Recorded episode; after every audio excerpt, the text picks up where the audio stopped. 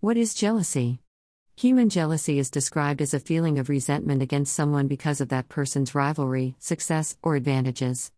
Oxford Dictionary defines jealousy as feeling or showing an envious resentment to someone or their achievements, possessions, or perceived advantages. We are jealous of someone for their job, family looks, money, car, house, their skills, and even their marriage. Jealousy at its heart is discontent and selfishness. Let's look at the first jealousy in Genesis 37 of Joseph and his brothers. Joseph's father Jacob loved him more than any of his other sons. He even gave Joseph a special colorful coat to honor him. After Joseph continued in favor with his father, his brothers were jealous of him, Genesis 37:11, and so Joseph was sold into slavery by his own brothers. Saul was jealous of David because Saul was insecure and afraid because David was closer to God than he was, and he was worried David would take over as king of the Israelites. Saul fed his own insecurities and let his jealousy grow, and in doing that, he gave Satan a foothold in his life.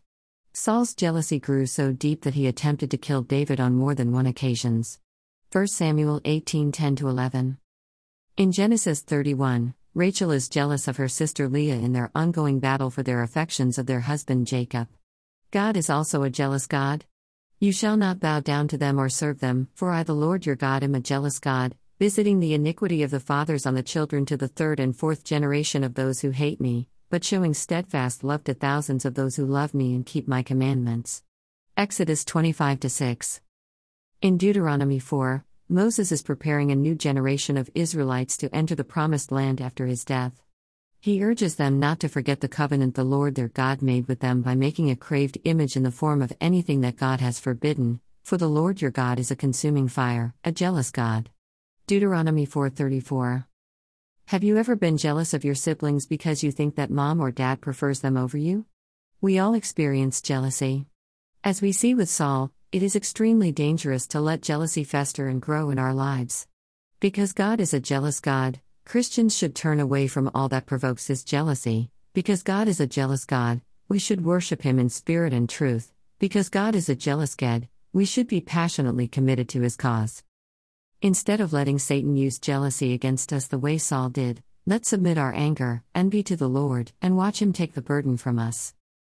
Vivienne Caldwell is the author of her first book, Be Strong. The Lord is always with you. This book was written to motivate, encourage, and strengthen us and to let us know that despite our struggles and storms of life, God is always with us, and our anchor holds on the solid rock which is Jesus Christ. Her book is now available on Amazon and Barnes and Nobles, so get your copy today. Just type in her name Vivienne Caldwell and you will see her book. You can also subscribe to her podcast at https colon slash slash anchor.fm slash Vivienne Caldwell slash subscribe.